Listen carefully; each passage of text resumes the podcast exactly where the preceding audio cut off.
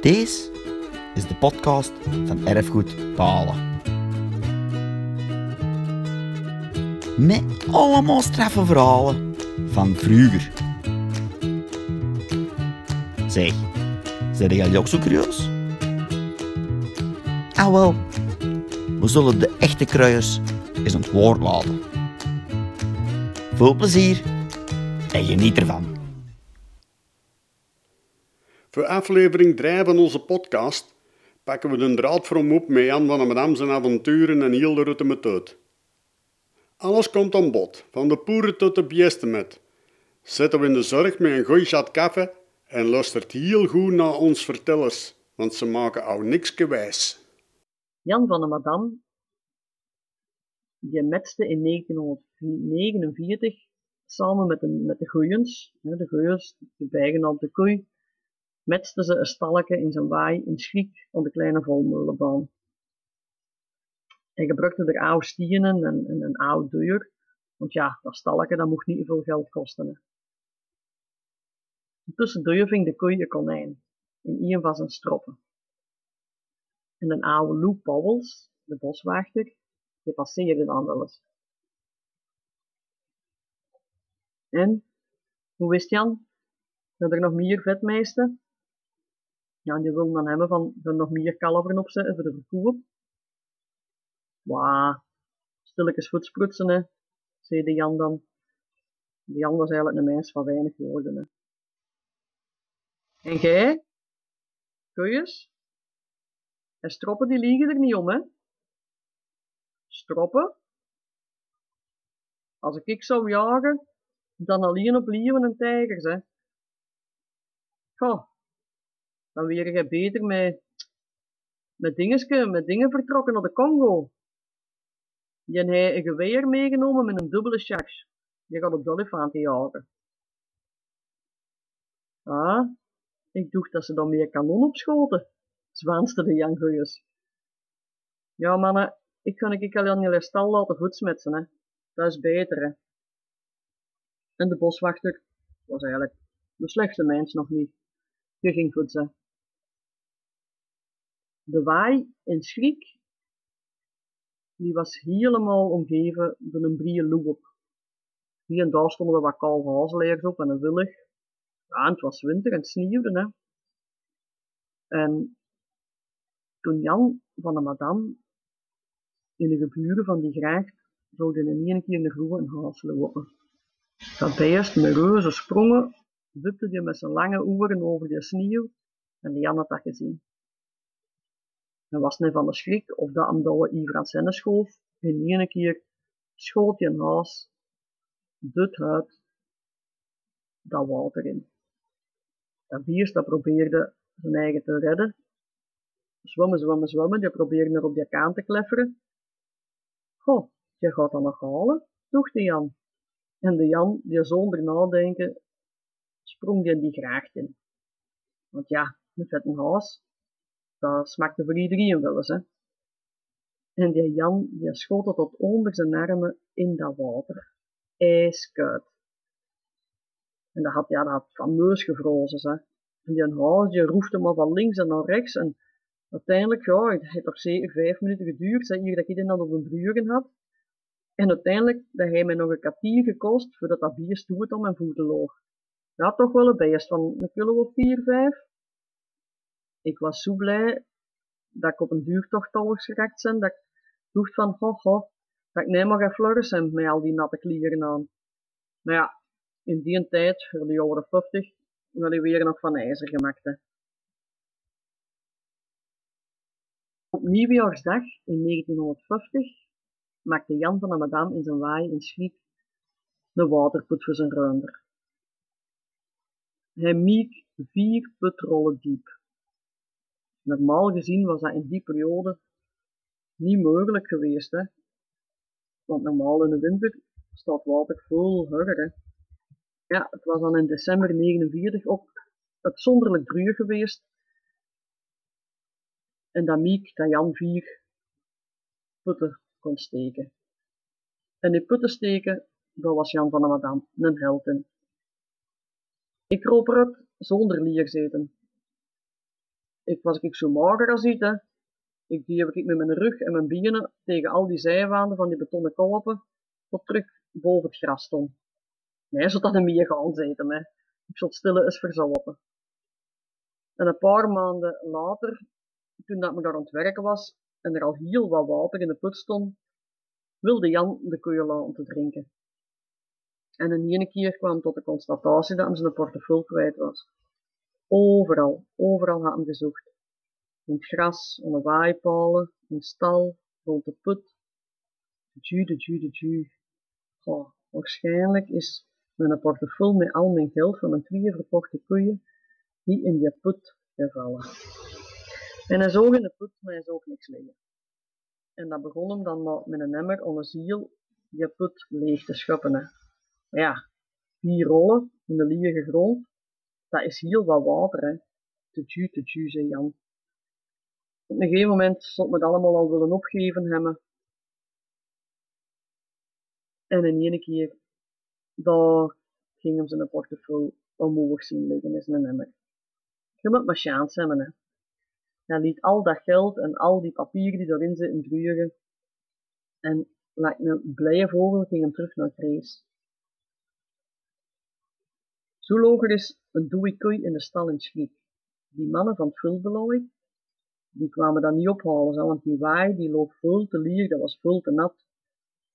Ja, zei Jan, dan ga ik eens zien naar Jos Schets van Achterbos. Dat was een bediende op het. En samen met een paar andere mannen van het probeerden ze dan toch maar die koei erop te helpen. Jan sleurde met zijn citroën die koei tot op de hetteweg. Ze hadden allemaal geteven en getrokken, allemaal gedaan wat ze konden. Jan zei daar hier, voor wat kopte jij met alle geld geen zwaarder notto? Waar, zei ik. Het ging toch? Of zie je dat niet goed? Distels in de waai. Een waai kan, me kan je niet, een aandermeest, het beste grasvoets brengen. Maar ja, dat wil toch wel zeggen dat er van tijd nog eens hier of daar in een of andere hoek nog distels omhoog komen. Hè. En dat was nou ook het geval bij Jan van de Madame. Jan had veel werk, hij moest de baan op, hij moest ruideren gaan kopen en verkopen. Ja, hij kon niet overal zijn. En met als gevolg, ja, in die waai begon dan ook dat stekelig onkruid het te tieren. Hè. En ja, dat stond goed in zicht. Dat stond helemaal in de blom in de knop. En ja, dat was een afzicht hè, in die waai. Komen dat twee gendarmen van Mol, de brasseur en de baten, die werden er een toer aan het maken. Die kwamen de Jan tegen en zei, is die waai van nee, Tja, gisteren toch nog, zei Jan. Ja, dan zullen we proces moeten opmaken, hè. En waai, dat staat vol distels, joh. Tekent hier maar eens een keer af. Maar ik heb ik niks gevraagd, dus ik teken ik ook niks, hè, zei Jan. Ah, bon. Maar ja, natuurlijk blijft dat dan niet bij, hè. De Jan, die moest voor de juist komen, in Mol. En hij mocht het wiergetalgen meebrengen. Dus hij had de purre, een zusje van genechte had hem meegenomen. En ze moesten zingen dat zij die distels afgemaaid hadden. De purre, die wien als eerste getalgen binnengeroepen. Ja, en de purre, dat was eigenlijk maar een zwerver in, in veld en bos. Ja, die mens, die kende weinig van klassen of van standing. En met zijn armen overeen stond zo voorovergebogen op die lesseneer van de juus. Welke onbeschofterik zet gij? Dat weet ik niet, meneer de president. En de purre, hij probeerde echt wel heel, heel beleefd te zijn. Hebt gij die distels afgemaaid? Ja, ja, meneer de president. Wanneer, purre? Tja, het begin van de zomer. En wanneer begint de zomer? Ja, als het warm is, hè. Jij kunt gaan. Roep de volgende binnen. Ja, en toen kwam zus aan de beurt, hè. Maar ja, zus, die had ook maar vijf letters meer gegeten dan de purre. Franciscus van Genechte? Ja, meneer de juge. Wanneer begint de zomer? Ja, de 29 juni zeker. Hebt gij die distels afgemaaid? Ja, ja, meneer de juge. Ik heb ze twee keer in afgemaaid. Dus mensen, om het even kut te hebben. Jan van de Madame, die bent helemaal daarin vrijgesproken, hè. Maar ja, dat wil toch zeggen dat hem dat adem, heet hem de purre en Suske, toch wel een paar punten dan moeten vertrakteren zullen. Jan van Madame en de Poeren. Jan van Madame had met de Poeren geregeld contact. De Poeren sliep in de schuur van Jan van Madame, in schrik. En even het gat over de opening waar de as van een dosmolen binnenkwam. Hij had niet meer nodig dan een bussel strooi, de Poeren. Op zekere avond stak er een kalf zijn kop door het gat en loeide zo het op een meter afstand van de Poeren, die in een ene keer wegschoot en als een huzzel opvloog. Verdomme kalf, jij me zo doen verschieten? Kun jij een mens bij God niet laten slapen? Allee, hup, poten. Het kalf wilde wel, maar een terugweg leek afgesneden door zijn lange oren. Jan, Jan, hier moet ik komen zien. Kalf van Mozes, trek dat we kop terug of je zet hem kwijt. En de poeder met duwen en het beest voor zijn best veel amputeren, tot de kop na veel moeite door het dorsmolengat schoot. Dat zul je geen tweede keer meer doen, zei Jan van madame. Die aan de andere kant van de muur zo het aan een sted van kalf getrokken had, dat hem tien zijn mee langer gewonnen was. Ik heb heel wat herinneringen aan de poeder. En ik had hem soms ook nodig, zegt hij. De poeder kende elk lapje grond, elke put, graagt of kuil, uren in de omtrek. Als je hem iets vroeg, dan antwoordde hem: Ah, die waai is van puntje, puntje, puntje. En dan noemde de juiste naam.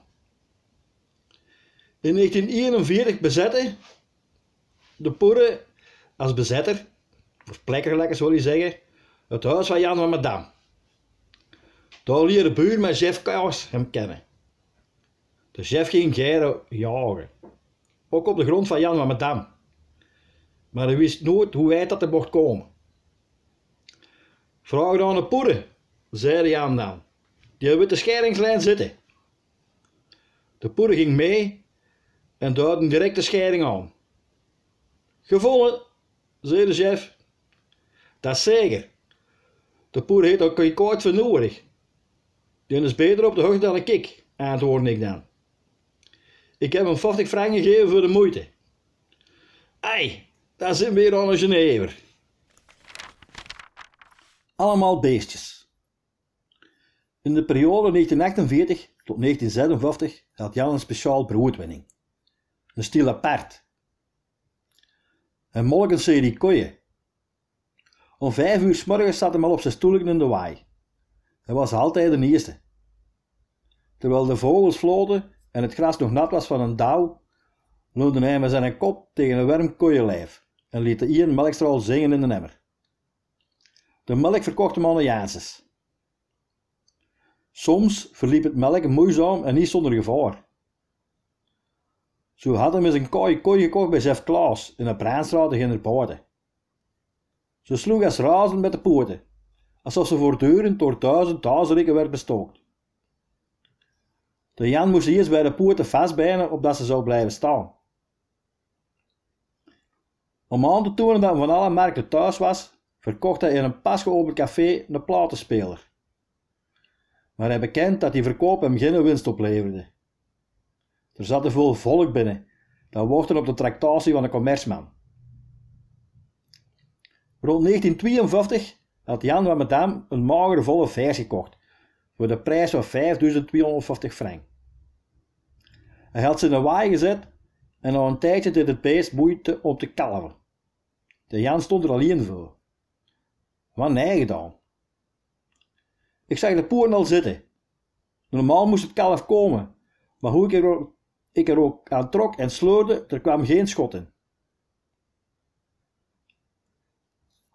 De zoon van een boer uit de buurt reed met Piet en Kaar voorbij. Jan van Madame dacht aan wat de ouderen over het moeilijk kalver vertelden. Spant er een Piet voor, en het zal wel gaan. Jules, stop eens, je kunt me helpen. De Jan bond een touw op de poten van het kalf. Spant een bruin hier voor en laat hem trekken. Allee, voorzichtig, dat er nog iets van overschiet, hè. Langzaam trok het paard het kalf uit de koe. En het was meer wijd dan de koe zelf. Spijtig genoeg had men het kalf toch letsel toegebracht en was het na veertien dagen dood. Ik heb hem getust en van alles gedaan, vertelt Jan van Medam. De eerste steen van het slachthuis van Mol werd pas in 1954 door minister De Taaie gelegd. Op twee jaar tijd slachtte Jan er 3400 dieren. Maar lang daarvoor was hem al bedrijvig. De aankoop en verkoop van vee bracht soms lachwekkende situaties mee. Hij verkocht een vijs om milde groof van Herentals. Te voet stapte hij er eerst mee naar Naand uit de Weegbrug, het station van Mol. Hoe zwaar schat uw beest? vroeg Naand. Oh, een goeie 600 kilo, verzekerde ik. De vijs werd gewogen en het bleek dat hij er niet ver naast zat. 615 kilo op de kop. Zeg, hoe wist je dat? Och, Naand. Ik heb ze eerst thuis in de keuken op de baskulke gezet zijn. In 1958 ging Jan meer de professionele tour op. Op de met in gooide hij het op een akkoord met Maurice Willems van de Sendelooi. We gaan proberen te grossieren, zei Maurice. Verkopen aan bierhouders. Ze begonnen weer aan de onderste sport van de ladder met de aankoop van één beest. Ze deden allebei de helft. Veel konden niet mislopen, hè. De week daarop kochten ze tien beesten en zetten een stalletje in de waai van Jan. We zullen de helft toe doen, zei Maurice. Nee, we gaan ze allemaal slachten, verbeterde ik. Ik had de smaak van de verkoop te pakken. Zo stapten ze beiden te voet met ieder vijf koeien van de volmolenbaan naar het slachthuis. En we deden ze allemaal dood. De Maurice had zo'n beestenwagentje en we hadden al enkele beesten verkocht. De overige kwartieren gingen we op de beestenbek. Dat zou een niet mogen. Nee, moet ik daar een frigo voor hebben. Maar denk eens aan, dat zou niemand durven. Tien beesten doen doen zonder een afnemer te hebben. Reden met de kwartieren naar Hasselt. De Maurice kon niks verkopen. Ik klopte bij een beenhouwer aan en een chique zaak in het centrum van de stad gelegen. Kom onze Mercedes bekijken, zei ik. En de beenhouwer die leek wel geïnteresseerd. Op een deur zei ik zou graag bij jou iets kopen, want je ziet er nog zo'n kooi niet uit. Maar dat zal niet gaan. Geen schoolvlies? Jawel, jawel. Maar haal je een schoen en een witte vutschoot aan en op een camion gewassen? De kleine door een stukje vlies kopen. Ze gaan dat vlies niet willen als ze uw camion gezien hebben. Nu stond de camion vol blutsen en zat helemaal onder de stront. Daar hadden we moeten ontdekken, hè. In alle geval, ik kocht niks. Uiteindelijk zijn we dan ons vlees toch kwijtgeraakt. We hadden niets verdiend en niks verloren. Maar ja, een goede leerschool, hè. Geleerd bij schaai en schande. Jan verkocht alles. Jan verkocht niet alleen vergens en runderen, maar ook alles wat enigszins hanteerbaar was, zoals leren en rokken. Hoe hij eraan kwam, dat mag Joost weten. Waarschijnlijk eiste hij die op van wanbetalers. Ik heb nu nog heel wat geld onder de man hangen, maar ze betalen niet, zegt de Jan. Hij ruilde ook een naaimachine tegen een verken en nog een melkafroommachine tegen twee kalveren. Ons Janneke van het gelijknamige café Nezert verkocht Jan van Madame een televisie om de gasten de ronde van Frankrijk te kunnen laten volgen. Maar ik moet er maar staan, Jan. En inderdaad, zaterdags konden de klanten de exploten van Eddie Merckx volgen op weg naar de gele trui. De Jan had zonder het ralen dat toestel gekocht bij Van Herk, om de mensen een plezier te doen. De veearts Dirks van Balen kwam op een zekernaal met een boer bij Janneke binnen. Jij kunt het nog wel hebben, mannen, sprak Janneke. Dat zeker. Ik ben de zoon van Jan van Madame, zei de veearts. Dat kan niet. Want Jan is niet getrouwd, lachte Janneke. Ja, maar het is het zwet. Niet doorvertellen, hè? Gekskeren Dirks. De dodenmars van varkens en runderen. Op 19 december 1955 is het slachthuis in Mol in gebruik genomen. Laten we de verschillende stadia van het varkensslachten eens doorlopen. Het varken wordt met elektrische tangen verdoofd. Het wordt met het mes in de keel gestoken. Het bloed gutst in de bloedput. Het varken passeert een hete douche om het haar te verliezen. Men krabt erop los. Het haar wordt verder afgebrand. Het varken wordt met water afgespoeld. De ingewanden worden verwijderd. Het beest wordt doormidden gekapt om gekeurd te worden. Dan verhuizen de kwartieren naar de frigo. En nadien komt het vlees bij de beenhouwers terecht. Runderen zijn eenzelfde dood beschoren. Koeien worden vaak al een dag voordien binnengebracht. Ze mogen wat rusten, want dat is goed voor het vlees. Ze worden met een revolverschot verdoofd of gedood.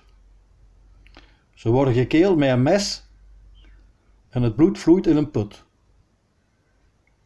Ze worden gevuld met het mes. Nu tegenwoordig worden ze automatisch afgetrokken. Daarna worden ze gespoeld. En tenslotte worden de kwartieren naar de frigo gebracht.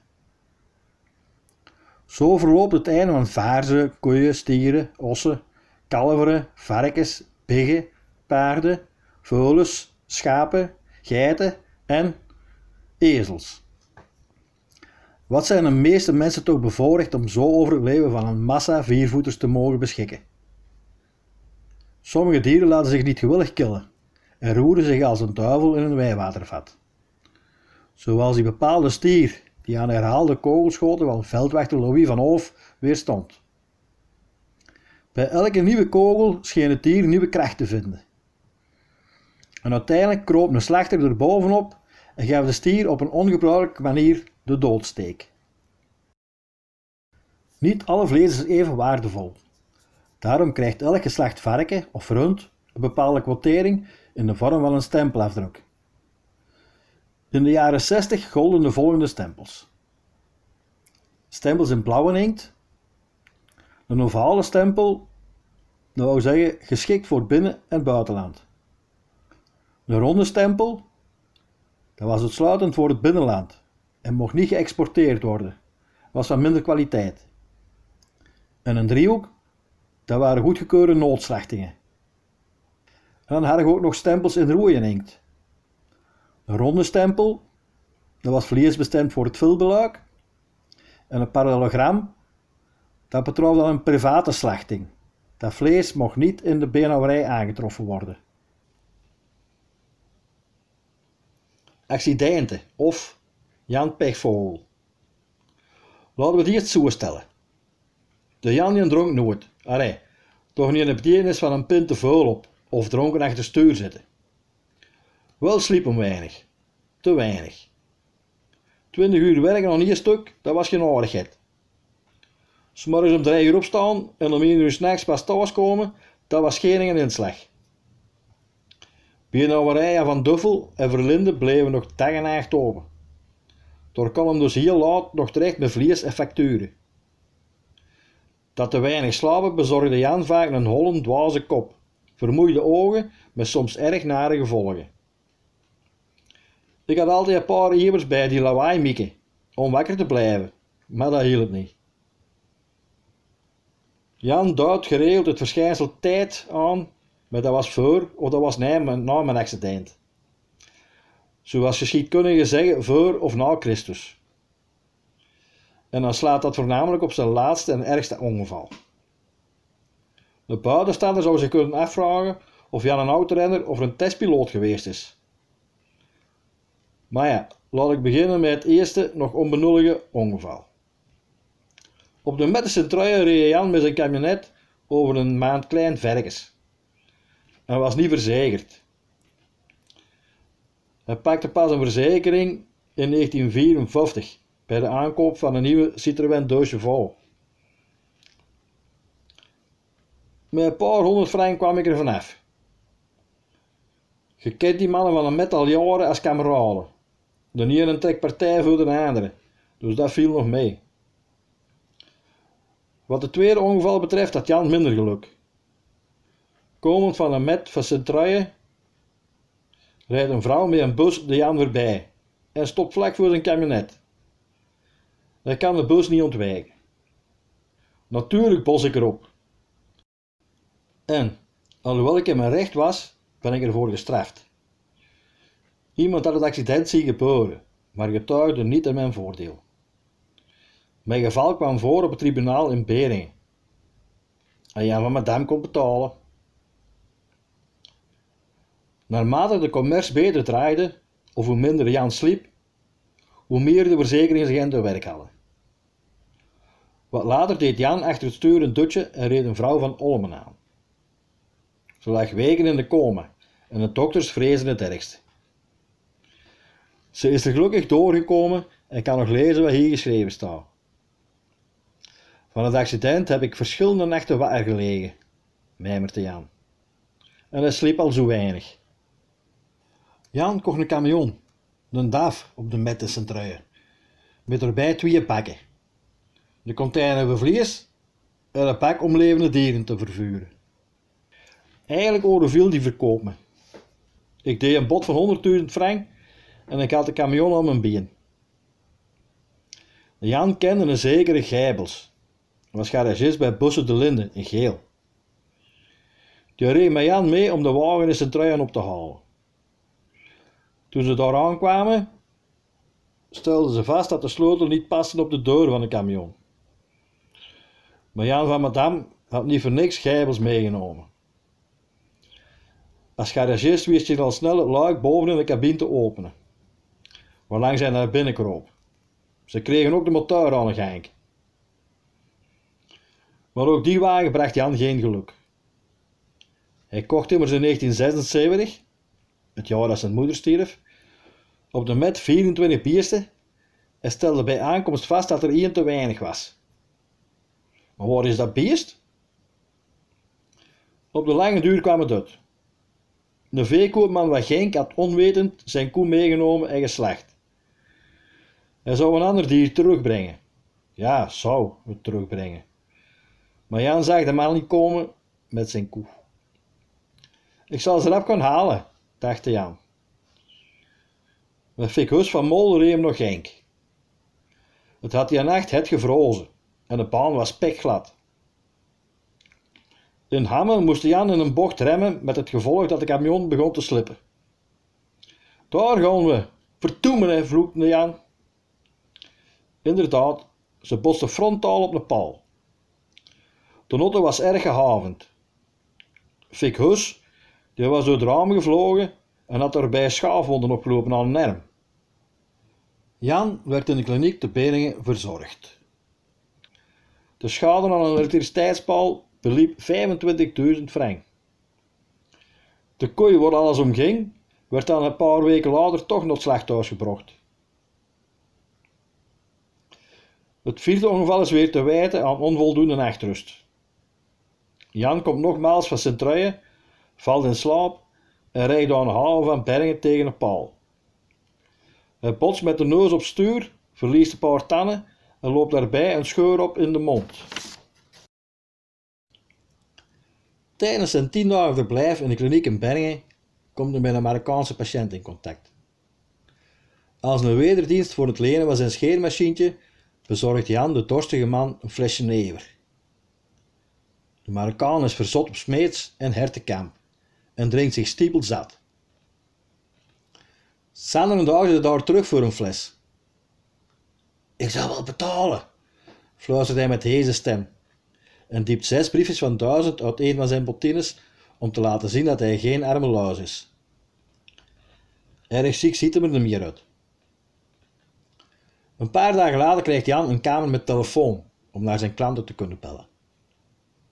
Een verpleegster komt als een horzel binnengeschoten.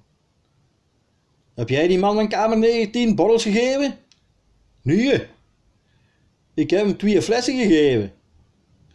Stop ermee, je moest verlegen zijn. Ik had op zijn benen meer staan. We hebben er niks als laatst van.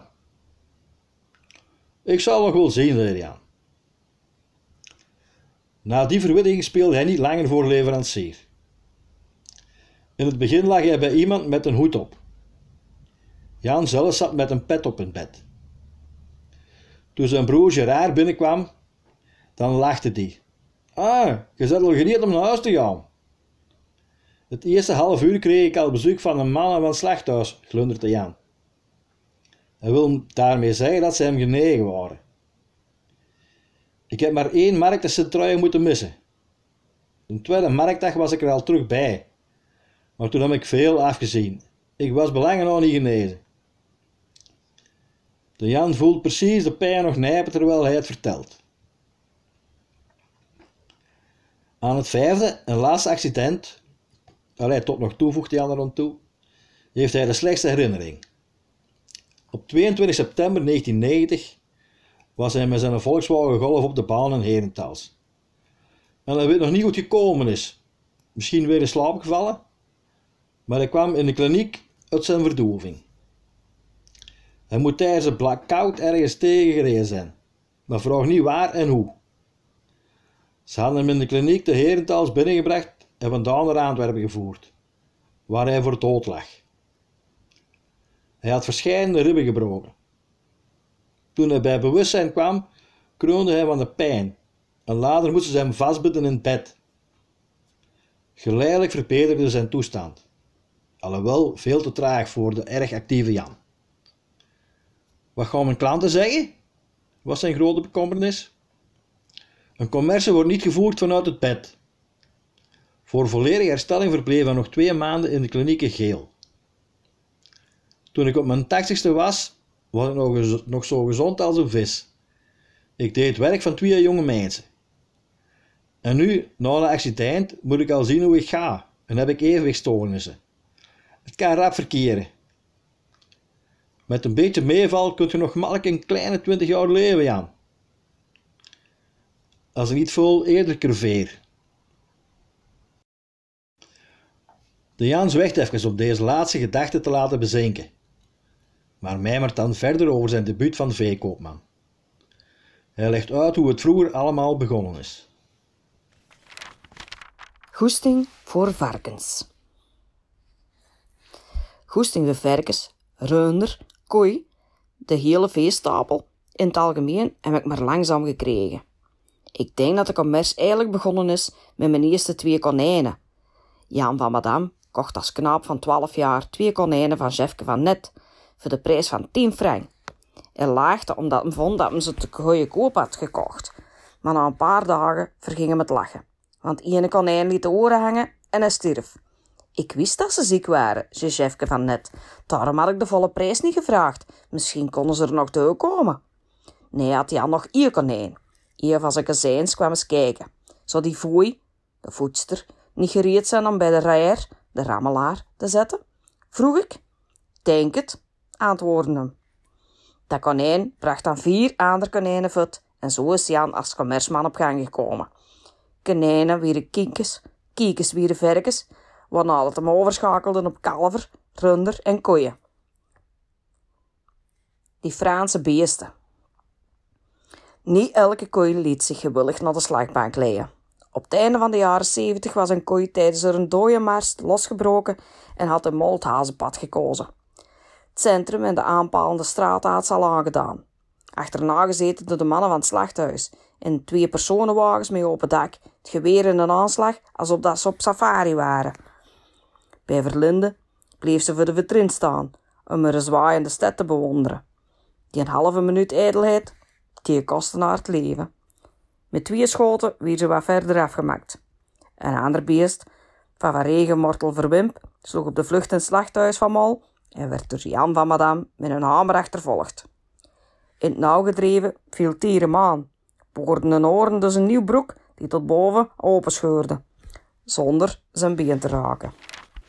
Jan zwijgt even om deze laatste gedachte te laten bezinken, maar mijmert dan verder over zijn debuut van veekoopman. Hij legt uit hoe het vroeger allemaal begonnen is. De gendarmen moesten 30 keer schieten voor de koe voor goed bleef lingen. Vooral die Franse beesten waren gevaarlijk. Die zullen het dialect niet verstaan hebben, hè? Ik moest er een gebonden zetten in de stal in de waai. Een koei die hoorziek was. En ik stond er alleen voor. Ik kreeg weg, ga eens terugzien. Wat moet ik met die koei aanvangen? Eén keer komt ze rechtstaand op de achterpoten op mij af. Ik verschoot mijn bult. Was me die wild geworden? Ze had er een hoorn afgestoten. Heb ik alles een koei op de achterpoten voor haar neus klauwen? Een gedrocht van enkel meters? Uiteindelijk kon ik er een ziel om de nek gooien. Ik bon ze aan de dichtstbijstaande boom. Rap de camion gehaald met de vleesbak, maar dan kreeg ze niet op. Terug een andere bak opzetten. Op den duur was er volk bijgekomen en kreeg dat beest erop. Maar niemand stak een hand uit. Gapers genoeg. Ik liet de camion in het slachthuis staan, tot daags. Toen wier de koei geslacht. Ik ben ook eens aangevallen door een stier, maar het liep goed af. Tja, wat heb ik al niet gedaan? Ik zie me nog staan in de waai met VR's Dirks van Balen. S'nachts meer pullicht voor de keizersnee. En mens moest er toch iets voor doen. Ik heb met Jan heel wat beesten gekocht en verkocht, zegt me daar de witte van Oosthoven. En dat ging niet altijd gemakkelijk. Er waren gevaarlijke kleppers bij, vooral onder die Franse beesten. We hebben ze dikwijls met de strop moeten pakken. En dan geraakte die strop vast in een draad van de weipalen. Het gebeurde dat Jan van Madame geen broek meer aan zijn lijf had. Op de Meerhouds en Dijk moesten de beesten in de stal verzorgd worden. Ze stonden op elkaar gedrumd. Er waren er een paar ziek. Jan zou ze allemaal inenten. Na elk behandeld kalf trok hem een stripje op de steen. Bij het bukken wier hem door een kalf opzij gestoten en viel neer tussen de trappelende dieren. Vol blauwplekken van honderden stampen kwamen hem uiteindelijk buiten gesukkeld. Dat was zijn beste dag niet gewust. Jan van Madame als Jan zonder vrees. Op een nacht in 1986 wordt Jan van Madame gewekt door het blaffen van een hond in de buurt. Hij hoort ook geritsel dichtbij en spitst zijn oor. Ratten of muizen? Of de wind? Nee, het geluid komt vanuit een tuin. Daar moet het dieven aan het werk zijn. Hij vliegt zijn bed uit, pakt een blitslamp en zijn jachtgeweer. En inderdaad, aan de garage zit hem schaduwen en hij hoort ze bezig. Hij kan ze neerschieten, maar dan krijgt hem nadien last. Wat nee gedaan. In de garage heeft hij meteen aan het liggen dat hem liever niet verliest. Halt, roept hem en hij lost de schot in de lucht. De dieven willen een vuil niet riskeren en lopen onder de lichtschijn van de lamp de straat op. Halt, blijf staan, begot! Jan lost een tweede schot, maar ze zijn al weg. Het zijn jong gasten, amateurs. Aan de garagepoort vindt Jan een ijzer dat dienst als koeivoet. S'morgens pelt Jan de polis op. Hebt je iemand herkend? Nee, maar het zullen toch wel mannen van hierachter zijn. Hadden ze binnengekomen, dan had ik ze wat hagel in hun lijf gejaagd. Dat Jan niet vlug de daver op het lijf bewijst zijn houding tijdens de overval in de buurt van Diest in hetzelfde jaar, zoals het nieuwsblad van 22 juli verhaalt. Bedreigde bejaarde gooit longruifel als lucifer weg. Diest. Op de parking van een dansing van de deelgemeente Deurne bedreigde zondagavond een radeloze man een bejaarde met een longruifel. Deze man werd niet aangehouden. Omstreeks 20 uur 25 zondagavond werd de Diestse politie opgeroepen omdat een man een bejaarde had bedreigd op de parking van de dansing Polke te Deurne Diest. De dader, een 29-jarige man, was radeloos en had met een longrifle postgevat op de parking van de dansing. Toen de eerste de beste aangereden kwam, bedreigde hij de chauffeur met het wapen. De bedreigde chauffeur, een 75-jarige gewezen worstelkampioen uit Balen, verloor evenwel het noorden niet en gooide het wapen van de dader weg als was het een lucifer. De 29-jarige man werd daarop in bedwang gehouden tot de politie arriveerde. Het wapen bleek niet geladen te zijn. De aanhouding van de dader werd niet noodzakelijk geacht. Een andere krant leverde een korte bijdrage met als ronkende titel Ex-worstelaar houdt belager in bedwang te diest. Ga jij klachten indienen? vroegen de rijkswachters. Voor mij moet ik hem niet straffen, antwoordde Jan van Madame. Hij gaf zelfs zijn bedreiger nog de hand.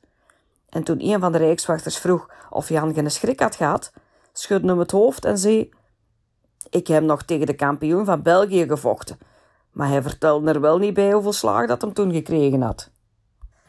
Jan en Sint-Truiden. Op de markt te Sint-Truiden kenden ze hem allemaal. Daar was hem de figuur. Hij was altijd bij de eerste daar en hij bleef er tot de laatste man. Hij pakte zijn tijd en hij kocht niet rap een kooi te duur. Om te parkeren in Sint-Truiden moest je 60 frank betalen.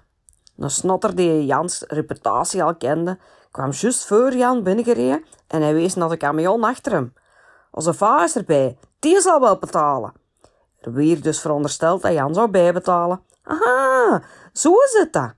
Jan van Madame zei het niks en betaalde 120 frank. Maar voordat de markt ten einde was, had Jan de gast al te stekken en moest deze natuurlijk afdokken. Zo slim en volhoudend was Jan wel. 60, 100 of 10 frank. Wat van hem was, moest terug naar hem komen. Daar kon je niet buiten. Jan betaalde altijd met contant geld of met een cheque. Dat is het veiligste. Hij zou nooit betaald hebben met een marktbonneke, zoals dat meestal wel de gewoonte was. Daar wilde Jan niet van weten. Sinds nieuwjaar 95 is dat marktbonneken afgeschaft. Jan kocht en verkocht. Jan kocht en verkocht. Reed alles plat. Hij belde zijn winkeliers op en raakte alles kwijt in een mum van tijd. Onder grossisten telden hem minder vrienden. Die konden moeilijk aanzien hoe dat hem onder hun vleugel schoot. Ik verkoop zo geren aan de paus als aan een bisschop. Ik geef ze vernieten weg, maar dat deed hem niet. Tijdens een marktdag in Sint-Truiden kwam de baas van het slachthuis met een helper met keizer rond. Ten voordelen van het feest van de polis. Jan pakte een kes en gaf honderd frank om te steunen. Hé, wat drinkgeld, zie ik. En ik keek naar een agent die het geld ontving. Ja, die heeft dat wel nodig, zei de baas. Hij kan bekend op zijn benen niet meer staan. Toen hij gevierd werd te Sint-Truiden voor zoveel jaren veekoopman, werd hem verzocht op een podium plaats te nemen. Heb jij geen zondagse schoenen bij? Zijn ik zo niet goed genoeg? En hij stapte met zijn vuil botten naar boven om plaats te nemen naast de burgemeester en de schepenen. Jan was voor niks verlegen. Hij durfde het schoonste restaurant binnengaan met mestbotten aan. Ze gaan u hier nog niet te graag zien, Jan. Dat denk je. Met deze gevallen mag ik overal komen. En Jan wees nadrukkelijk en zelfbewust naar de plaats van zijn hart. Was een dikke portefeuille stak. Een eerste prijs. Op de Mette Centruien keurde de jury het vee. Die bepaalde wie voor de eerste prijs in aanmerking kwam. Voor de prijswinnaar leverde die quotering een hogere winstmarge op. Een kooi eerste prijs kopen getuigde van koopkracht en liefde voor het vak. Zo hij Jan van Madame zes keren een eerste prijs gekocht en verkocht om een paar beenhouwers een plezier te doen. Maar dat plezier was niet altijd wederkerig. Zo hij een bepaalde beenhouwer, ga hier nee zijn naam niet noemen, meest fijn liggen gaat. Het beste en duurste vlees aan de rund is zoals wij zeggen de filepuur. De Hollanders zeggen de haas. Dat is zo'n twee keer drie kilo schoon vlees aan de binnenkant van de ribben. Op de vraag van die beenhouwer of dat hem filepuur kon krijgen, antwoordde ik, ja, als je ze komt halen met de kruiwagen. Dan krijgen ze zelfs verniet. Na die woordenwisseling, of een soort uitdaging, dacht ik daar het niet, niet meer over na. Tot zaterdag die een beenhouwer bij mij thuis met de kruiwagen kwam aangereden. Ik kom met een filipuur halen, met de kruiwagen. Je bent niet goed zeker, wanneer in de ronde van Frankrijk een coureur aan de notte gaat hangen. Dan wordt de mut gesloten. Wat kan ik dan van u met te zeggen? Je hebt 10 meter met de kruiwagen gereden en die andere kilometers van Maltetier je de kruiwagen op een camion gezet. Jij krijgt niks. Heb ik gewonnen of heb ik niet gewonnen? Je hebt vals gespeeld en daar kan ik niet meer lachen. Maar als je dan toch de beest wilt uithangen, hies hè. En ik smeet zes kilo filo puur die dat had liggen op zijn kruiwagen. Stap het maar af en te voet naar mal deze keer. De anderen hoepelden op.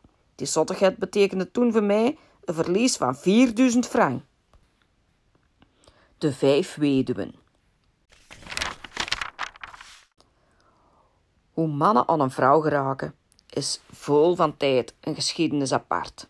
De ene zoekt ze dicht bij huis, de andere moet er afstand voor bij de ene vliegt ze spontaan om de nek, de andere moet er verbidden en smeken. Bij Jan van Madame is het wel heel eigenaardig gegaan. Jan kocht beesten bij Gerard Delmot in Bobbershoven bij Tongeren. Jongman Raoul Delmot ging trouwen op 18 september 1987. Jan moet niet nadenken over die datum. Hij werd immers uitgenodigd op de bruiloft, maar op voorwaarde dat hij een vrouw zou meebrengen. Jan, toen? En nee, niet getrouwd, kende vrouwen genoeg, maar een meenemen naar vreemden en Bommershoven, daar moest hem toch even over nadenken. Hij pluisde in gedachten. Alles schoon, lief, slanke, mollige, groot en klein, jonge en oudere dames uit, zodat de moed alles een oogstje op had laten vallen. Na een tiental kandidaten geschrapt te hebben, hieuw hem vijf gezonde, levenslustige weduwen over, die bijna twintig jaar jonger waren dan hem. Hoe kwam hem aan die weduwe? Jan bezocht tijdens het weekend gewoonlijk een paar dansings. Zo was hem lang geen onbekende op het vrijgezellenbal bij Polken en Diest. Daar dronken ze met een paar man een paar punten en reden aan voet naar Dancing Flip bij Helchteren. Waar doorgaans ook interessant volk bijeenkwam, zoals de Weven, de weduwe, Cato, Mariette, Mieke, Mia en Madeleine. Hij had al dikwijls een duivel of een cola die vrouwen getrakteerd. Ze kenden de Jan al goed en knipoogden als ze binnenkwam. Op die zondag in 1987, Jan was toen 76 jaar oud, zagen ze er alle vijf even hups. Het zou een moeilijke keuze worden. Jan had zijn beste grijs kostuum aan, wat dat hem goed stond. Allee, dat dacht ik toch. En zijn portefeuille goed gevuld. Hij bekeek de vrouwen eens, trakteerde, bekeek ze nog eens. Nee, niet gemakkelijk. Cato was niet mis, Mariette mocht er zijn, Mieke was een bieke, Mia, en zo voort. De cafébaas, die voelde wat er gaande was en hij kwam hem zo een beetje ter hulp. Ik denk dat Jan van madame lief nodig heeft. Daar pikte de Jan op in. Wie van alle vijven met mij naar de bruiloft gaat, krijgt 5000 frank. Maar niemand bescheerde. Die weven deden alsof dat ze niks gehoord hadden. Ze wisten ook wel dat Jan zijn bedoeling verder reikte dan alleen die bruiloft. Dat duurde zo een kwartier. Er weer over van alles en nog wat geklapt. Tot Madeleine, een gevoelig zwartje, Jan stiekem met bierka in overhandigde. Had erop geschreven, ik ga mee. En dat was dan in de valies. Zo eenvoudig ging dat. Een paar dagen later zei met Jan naar de bruiloft in Babbershoven. Daar dachten ze, misschien komt de Jan niet. Het is nogal wijd of hij geen goesting. Maar als hem komt, dan zal hem toch wel gezelschap nodig hebben. En ze hadden zelf voor een vrouw gezorgd, die onder een appelboom met een paar anderen aan een tafeltje zat. Hij bleef lange weg, maar toen dat hem de tuin binnenkwam, in gezelschap van de veel jongere Madeleine, verschoten ze zich een bult. Hoe heet de Jan dat gelapt? En wat gaan we nou doen met die andere vrouw? Madeleine ging ergens aan een hoek van een tafeltje zitten, een beetje verloren. Ze had al spijt dat ze aan deze avontuur begonnen was. Alleen de vijf briefjes van duizend in de chacoche vergulden enigszins de pil. Ze trommelde wat op tafel, tot de Jan ze in de groep introduceerde. Die andere vrouw pakte het voorvalken met een kwinkslag op en amuseerde zich zonder Jan van madame. Na die memorabele bruiloft ging Madeleine terug naar haar heimat in Neerpelt, tot ze zich in 1988 voorgoed bij Jan in Hulse vestigde. Maar we slapen afzonderlijk, zei Jan. Zij boven en ik hier in de voorste kamer. Ik kan met tweeën in een bed niet slapen. Dat ging al moeilijk toen ik nog een kleine jongen was en in een alkoof bij mijn onkel moest slapen. En erbij, ik kan de trap niet meer op. Ik ben sukkelachtig geworden met deze hutte. De krant schreef: Kempen, heetste plekje van Europa. De warmste 10 juli aller tijden. Zwieten en tegelijkertijd aan mijn keiskoude voeten. Hoe kan dat hij samen? Om 11 uur moet ik naar de masseur. Jan van Madame in een bak. Jan had verkens gehaald, geel, bij de gebroeders van Toning. Dus een terven nieuwen hem tegen en ondervroegen hem over de herkomst, terwijl dat ze speurend rond zijn camion wandelden. Een smokkelwagen die heel wat mankementen vertoonde en wettelijk niet voldeed aan de verkeersreglementen. Die gentermen kenden niks van verkens, hadden nog nooit niet gehoord van slachtrechten, keurrechten, weegrechten, frigorechten, maar wisten des te meer van verzekeringsbewijzen en identificatie van de voertuigen. Ze schudden de kop en haalden een boekje boven. Toen ik dat zag, begon ik zo te scheten. Ella, als je niet zwijgt, zullen we de zaak nog eens grondig aanpakken. Aanpakken? Ik zal ik kaas even eens aanpakken. Ja, ik had van die mannen geen schrik. Ik was toen 35 jaar en wat te astraand, want ik vloog de bak in. En na een paar uur kreeg ik een formidabele honger. Hé, hey, chefke, ga eens wat brood halen, riep ik tot een lange gendarm. Ik gaf hem wat geld en hij kwam wat later terug met brood. Ik heb dan een nacht gezeten. De varkens weer zaterdags op last van het parket geslacht en verkocht. Pas drie jaar later heb ik daar een cent van teruggezien. Dat Jan in de omgang de komieke was, dat is al aangetoond. Maar nog een staalje. In oud turnout moest hem stoppen voor een rood licht, wat toevallig ook de rijkswacht stond. Ze gingen rond zijn auto en vroegen ze een pas. Jan, je hangt er pinnen in zijn maat. En jij gelooft dat? Maar de rijkswachter overhandigde zijn pas al terug. Rij maar voort. Die een kooi vrouw, dat riekte zo. Hij is jaloers. Hij gezien dat ik een jonkman ben. Gek scheerde Jan. Voor een goed. Met een schoon camionet, de Sotto, van zijn zuster vervoerde Jan van Madame geen beesten, maar wel eerwaarde zusters van Nomtrek. Onder andere de moeder overste van Olme, Hulse, Sluis en Zittert. Ze hadden plaatsgenomen op de zeven stoelen. Ze reden van Zittert naar Geel, terwijl ze over gewijde koetjes en kalfjes klapten. Af en toe hoorde Jan ze gibberen of heel het lachen. Even na de oorlog was er in de buurt een brug hersteld en lager uitgevoerd dan gedocht, met gevolg dat Jan plots in alle macht moest remmen. De nonnetjes gingen met een smak tegen de wereld. Moeder Overste van Hulse vloog met haar kop tegen het glas. Is me dan een chauffeur? Zo zouden we nog verongelukken. Het was van toen af gedaan met taxispeulen, zegt Jan. Is een auto, een Citroën, stonden achteraan geen zetels om gemakkelijk de beesten te kunnen vervoeren. Aan het slachthuis en mol deden de drie zusters hem stoppen. Ze waren op zoek naar je man. Jan! Ga Sven eens mee zoeken, ze zijn weer op de lappen. Iets dat schoon gevraagd werd, dat kan ik niet weigeren. Ga maar in de bek zitten en hou er goed vast. Na wat zagen de vrouwen hun venten zitten in café de Watermeul geel. Daar zitten de zatlappen, maar wat zullen zij me? De vrouwen vroegen Jan hun af te zetten in het café aan de overkant en zelf in de watermeulen binnen te gaan en nadien met de mannen binnen te komen. Jan van Medam deed wat hem gevraagd werd en troonde na wat gezever de mannen mee naar het café waar hun vrouwen zaten. Toeval wilde dat er juist een cupdag plaatsvond. Er was dus heinig wat volk aanwezig en duurde geruime tijd vooraleer dat een van de mannen met een vinger wees en zei Daar zitten de wijven, die van ons begot. Wat komt die hier zoeken? Ja, ze zagen in een hok hun vrouw zitten met een punt en grote woorden verkopen. Is die van ons wel juist? En die van ons? Ik dacht dat hij me dronk of cola. Als Gullen naar de lappen kunt gaan? Wel ook. Nee, zeiden de vrouwen. Hoe en wanneer ze terug thuis geraakt zijn, hij Jan nooit verteld. Jan van Medam bracht ook een Sander Blok van Resbergdijk naar huis.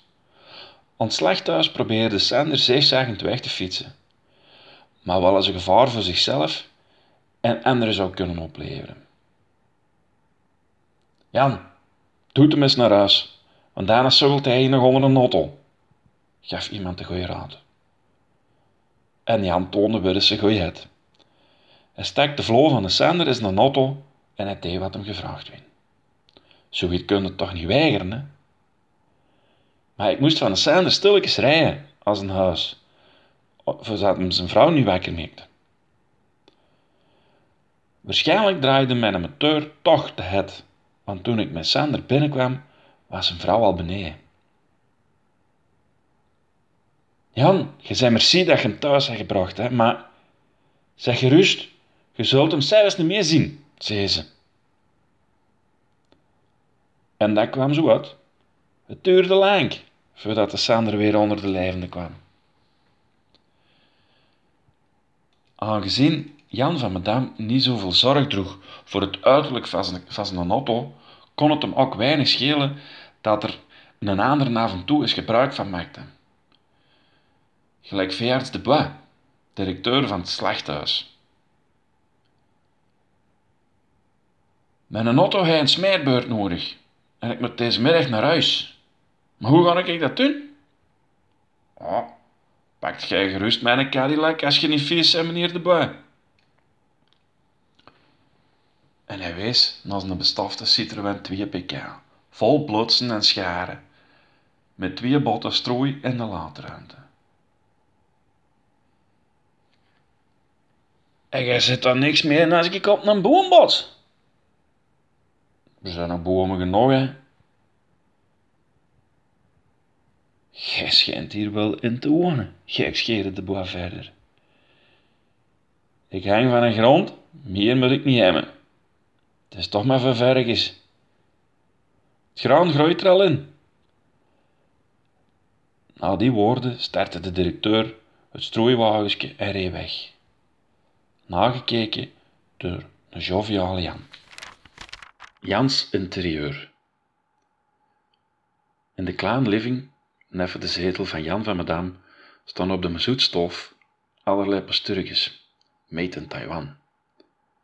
Ze hebben de grootte van hummeltjes, het zijn denkelijk kitscherige gekleurde plaasterfiguurtjes. Kunstblommen proberen de kamer eveneens op te vrolijken. Op de schouw prijkt het beeld van een stijgerend peert. Nog een cadeau aan de ouders van Jan bij hun gouden jubilee. Twee blinkende obussen, eveneens op de schouw, herinneren aan de geallieerde aanwezigheid in Grees tijdens een oorlog. De deur van de woonkamer waar Jan slaapt staat open. Een hometrainer, een aanrader van de masseur, wijst toch op de sportieve goodwill van Jan. Was hem vroeger geen coureur? In de hoek achter de deur stond op een kastje een twintigtal flessen liqueur. Nog afkomstig van het gasthuis, zegt Jan. Aan de muur hangt de spreuk: Het is beter rijk te leven dan rijk te sterven. In Jans levensvisie en levensloop biedt deze spreuk wel stof ter overweging. En als je naar iemand nog een advies zou geven, Jan, wat zou hem dan zeggen?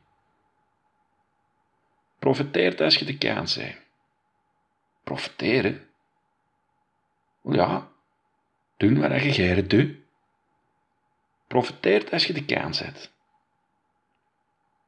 Ik denk dat Jan van Medam, zonder te willen filosoferen, wil zeggen dat men de goede kansen die iedereen af en toe krijgt, moet pakken. Profiteert van elke gelegenheid die jou beter kan maken en het leven aangenamer, want leven is kut. En dan geef ik die Jan volkomen gelijk. Op een kas staan drie heilige beelden onder een stolp. Het heilig hart, onze lieve vrouw en een heilige Gerardus. Mijn moeder kocht die kas op 12 april 1923 voor 121 frank op een cupdag in het huis van overleden tante. Met die kas thuisgekomen ontdekte ze in de schoof nog twee gouden oorbellen. Ze heeft die oorbellen als default geschenk aangedaan bij een Ons Lieve vrouw, Vrouwenbeeld in de kerk van Hulsen. Als de processie uittrekt, kunnen we ze dan zien schitteren in de zon? Dat niet in weet en vraagt me niet waar ze gebleven zijn. Maar hoe komt het dan dat je die datum goed herinnert? Wel, op diezelfde dag dat mijn, dat mijn moeder naar die cupdag was, had ik het huis voor mij alleen. En toen heb ik een extra nest uitgelangd in Nijkenboom. Er hielden vier extra's in. Het was geen hoge boom, maar wel een heel dikke. Ik kon er maar niet in geraken, tot ik opeens aan het schap van de winkeltocht. Die schappen die waren van steunlattekens voorzien, Ik heb zo'n lange plank uitgebroken en tegen een boom geplaatst en zijn op die steunlatjes naar boven gekropen. Zo had ik dan een veilige nou vast. Maar die was ik rap kwijt toen mijn moeder thuis kwam en die uitgebroken planken doorkreeg. Twee ferme meppen tegen mijn oren waren mijn beloning. Jan van Medam en het slijk der aarde. Jan Lieves van Bel weerlegt de bewering van sommigen dat de Jan van Medam nogal krenterig was. Zal maar rap gezijnen, Gierigert.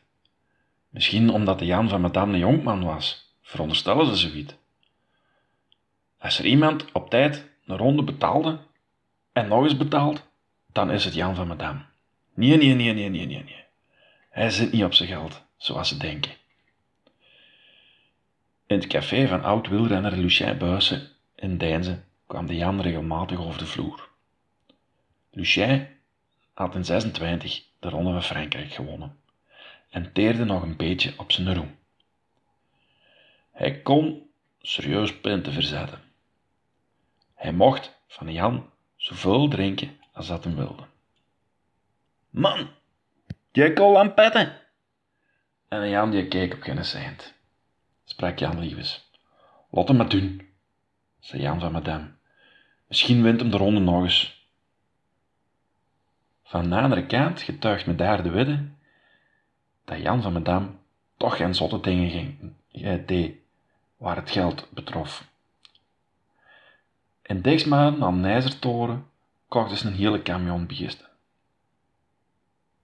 Er was een zieke kooi bij. Kan gebeuren.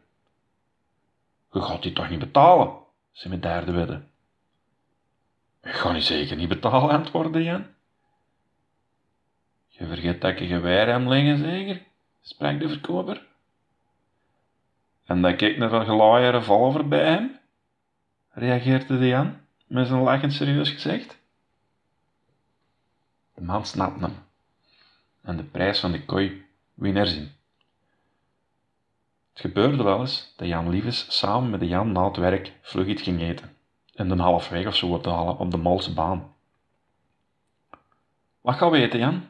Boah, geef mij maar wat fruit, antwoordde Jan van Medam. Precies of dat me geen honger had, of dat allemaal zo nauw niet kwam. Of had hij misschien toch geen geld bij hem? Niet veel geld? Ik zie hem zijn portefeuille nog boven halen, met pakken geld erin. Jan, dat is gevaarlijk, man. Dat zou wel slecht kunnen aflopen. Ze zullen nou eens op een of andere keer overvallen, hè. Ze zullen rap weten met wie dat ze tegen hebben, zei Jan, die nooit om een antwoord verlegen zat. Jan Liewes vertelde verder. Hij kon wel zuinig zijn. Ik spreek nu van de jaren zestig. Als we gingen eten in een pond nas, haalde Jan zijn boterhammen boven, gerold in papier. Ik zal niet zeggen gezette papier, maar toch bruin papier. Nee, voor mij niet gelaten. En dat brood kon het zijn. Misschien wel vijf, zes dagen oud. Ja, Jan zat toen alleen. Hij had nog geen hulp van Madeleine. Als je huis binnenkwam, moest je aan de weg banen langs een berg zetten en andere rommel. Als een auto, die zat vol strooi. Lege papierzakken van bij de Naven. Zielen die dat hem overal meenam, vooral op het slachthuis. Hij kon die goed gebruiken omdat hij veel piest had. Dat otteke gelief uit. Er groeide zelfs gras in zijn koffer. Hij zou wel toegeven wat ik je allemaal vertel. Uit alles en nog wat probeerde een munt te slaan. Een liepe, een echte commerceman. Hij kon, laten we zeggen, 120 frank vragen voor zijn vlies. Afdalen naar 100. Maar als je dan zei 90 frank, dan had het ook. Je moest dus niet rap toehappen of gaat het spijt aan. Maar dat was zijn manier van verkopen. Maar alhoewel de vos een streken had, gingen we toch geire met hem om. Op de begrafenis van zijn moeder waren we met heel slachthuis aanwezig en nadien zijn we nog eens ferm op gang gegaan. Een weerkerende gedachte van Jan de Madame omtrent het slijk der aarde. Vergeld taanst een beer. Met geld is alles te koop. Hij kocht Ierse ossen per kilogram, wat heel riskant is. De kilo meer of minder maakt winst of verlies uit. Jan liet ze wegen en stond neffen de baskel. Past op wat tellen, want ze gaan nu lengen hebben, hè Jan? Maar Jan van Madame was weer zo slim geweest om de weger wat geld eens na te stegen, zodat de weegschaal niet eens een nadeel overhelde. Diplomatie? Chantage? Bedrog? Dat geld in Jans leven nooit taboe was, kan geïllustreerd worden door volgend voorvalletje. Toen Jan in de kliniek van Bergen was opgenomen na een accident, kwamen kennissen hem bezoeken. Hij lag er tussen Turken of Marokkanen. Goed volk. Je moet toch maar oppassen, Jan, dat zou een portefeuille wegratten. Ten eerste, die mensen doen dat niet. En ten tweede, ik dacht al dat je daarvoor kwaamt, antwoordde Jan op zijn eigen kalme manier. En na dat voorval, waar dat hem even zijn spraak kwijt was. Om zich verstaanbaar te maken, schreef hij een paar woorden op een lei. Wat moet hij hebben? Een drinkje aan? Een zakdoek? Ja, een zakdoek schreef hij. Met daar de witte gaf hem de propere zakdoek. Waarom schrijf je voor mij niks op die lei? vroeg een ander. Jij komt toch alleen maar van mijn zolle, liet Jan verstaan. Jan mijmert voort. Mijn vader zei altijd, voor wie dat veel geld laat rollen, daar moet je voor oppassen. Want het geld moet van ergens komen. Uw eigen vroed lijkt u ook geen wind aan. Ik heb nu zo slecht geboerd, belangen niet. Op zeker moment leverde ik aan 14 bierhouders een mol. Dirksjes, Jan van Duff, Lue Verlinde, Alex Bastiaans, Kippeleer, Jean Nijs, Van de Perre, Leon Maasten achter Bos, Chef Jaansen op trouw, Walter Mertens op trouw, Louis Lux, een million, Mil Lux, en Vroeze en Ezert, de Alme en Mol, en misschien vergeet ik er nog. In 1964 kocht ik in Oostende met Beer Stesses van den Draaier 13 ossen. Vol te vet. Ik slechtte ze in mol en verkocht ze op een paar dagen aan de Molse beenhouwers en in het omleende. Ik teken mers. Ik vervoerde tot 600 kilo, vee per dag met een auto. Louis Geskes reed mij eens naar Antwerpen en naar Oostende. Hij kwam ooit naar huis met 19 koeien op één open camion. Je moet het maar derven en doen, hè.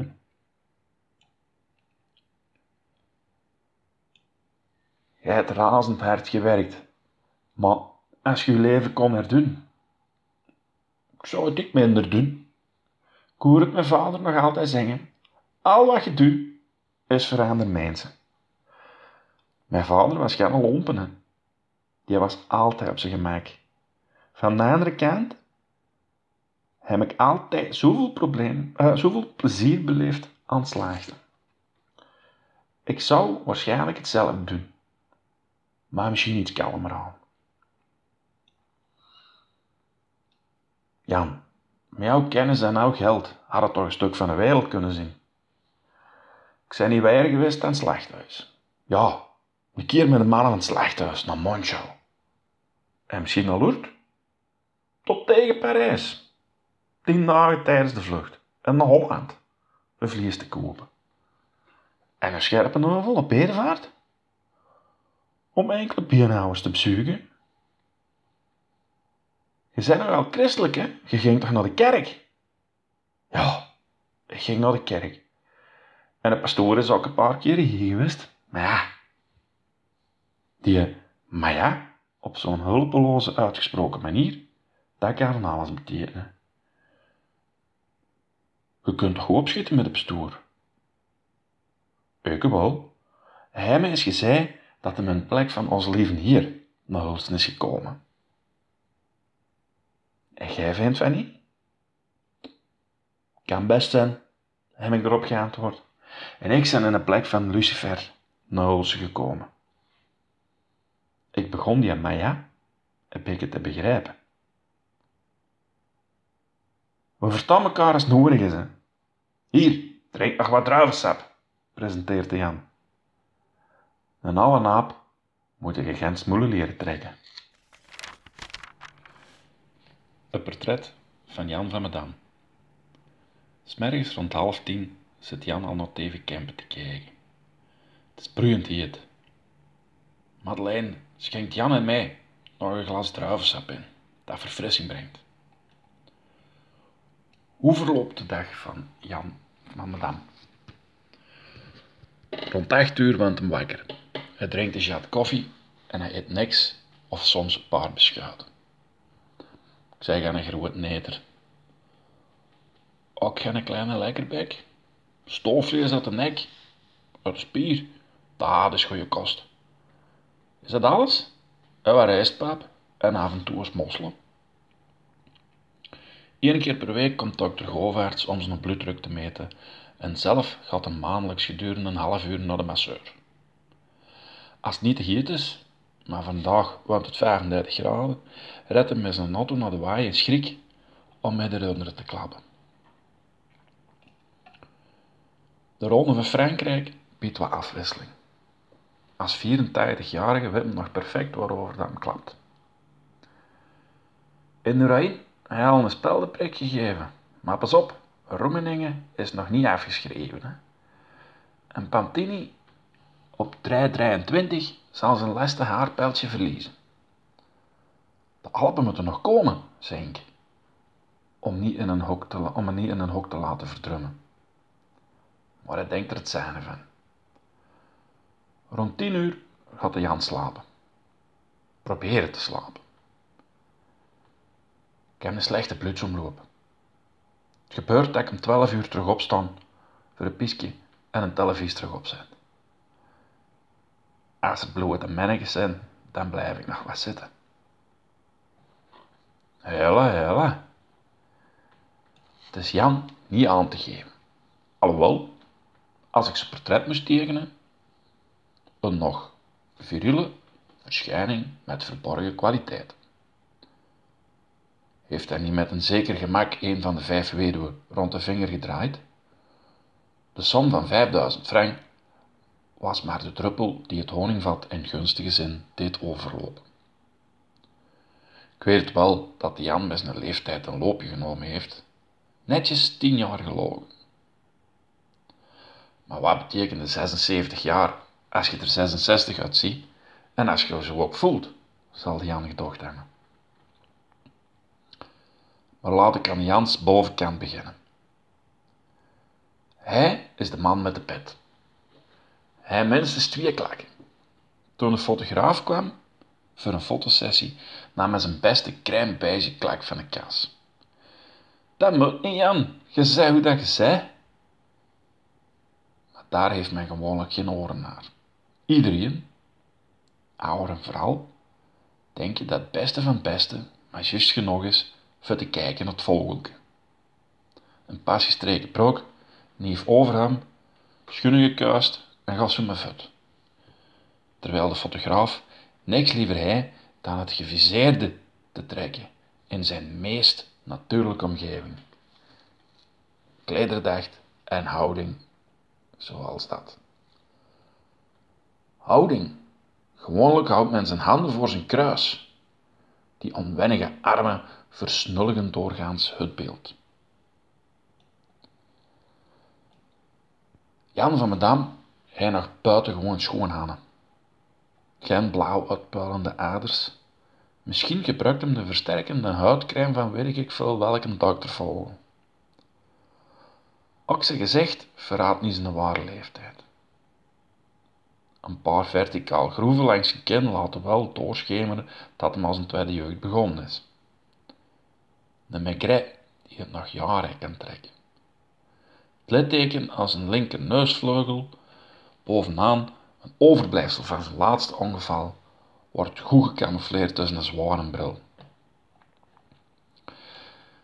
Hij draagt een wit gestrepen hem op een grijze pullover en een donker broek.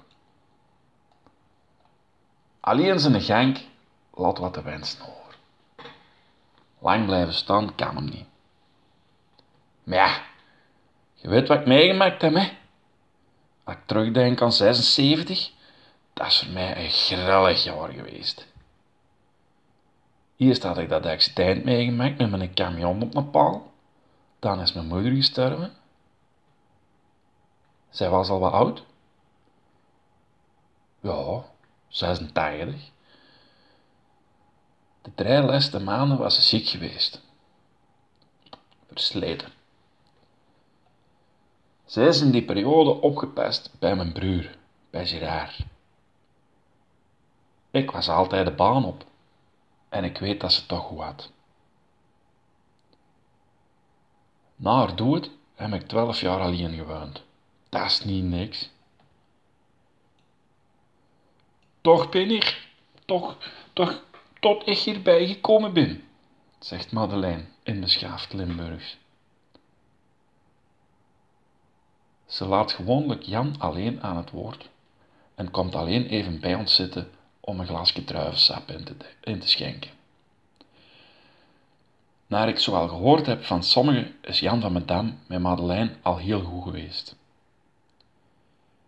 Wat die al niet durfde, Jan? Koken, wassen, zijn voeten wassen, kousen aantrekken. Ja. Jan mag denken deze zeggen dat de Madeleine hij. Ze geeft me weer wat druivensap. Zo'n fris drankje op een snikhete dag smaakt als champagne. Als ik aan dat accident terugdenk daar in Bergen, toen heb ik een stokje afgezien. Die gapers hebben met een mond van binnen genaaid zonder verdoving. Ik moest daar op een blote tafel gaan liggen. Zie je dat bloed niet lopen? riep ik. Het bloed droop in mijn keel. Ik steekte bekend. Stop de schot. Laat dat bloed maar lopen, zei daar iemand. Gestarpers! Wat zeg je daar? Ik past wel op, zei versnijden ze mijn keel over. Zelfs de gen gendarme kreeg compassie met mij. Toen ik perform naar huis wilde rijden, zei ze... Dan vlieg je naar de kliniek in Mol. Om dat bloed te stoppen, daar houden ze een gansdeken met een uh. Nee, 76 is mijn beste jaar niet geweest. Jan tast naar het litteken in zijn mond om te tonen dat het geen leugens zijn die dat hem vertelt. 76 won Lucien van Impe de Tour, antwoordde ik op iets te zeggen.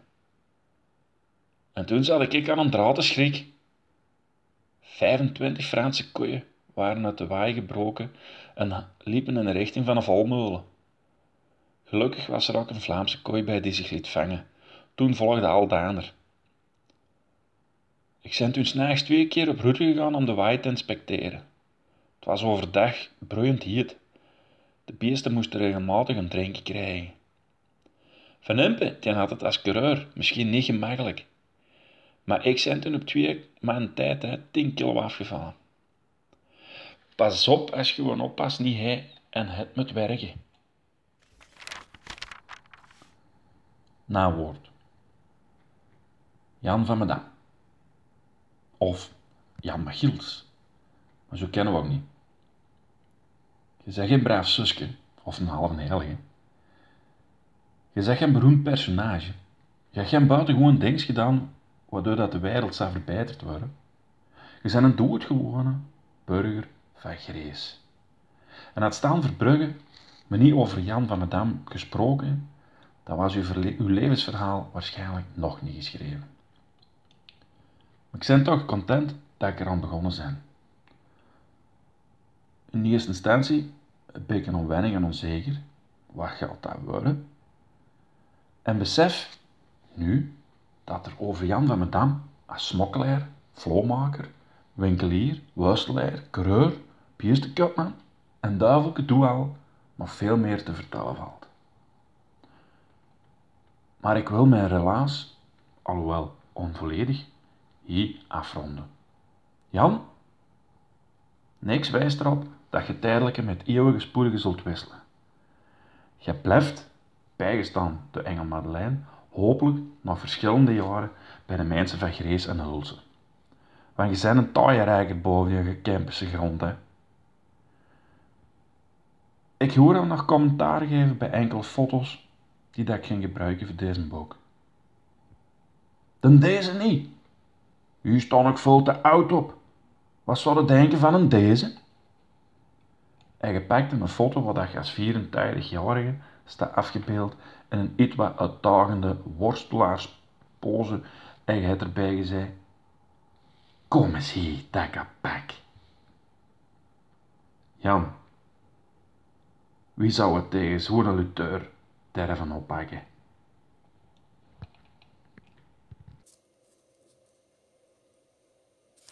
Beste podcastluisteraar.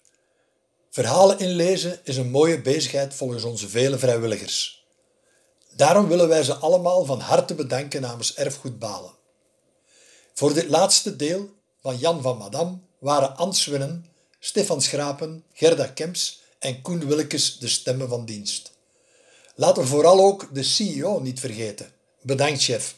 Nog veel luisterplezier.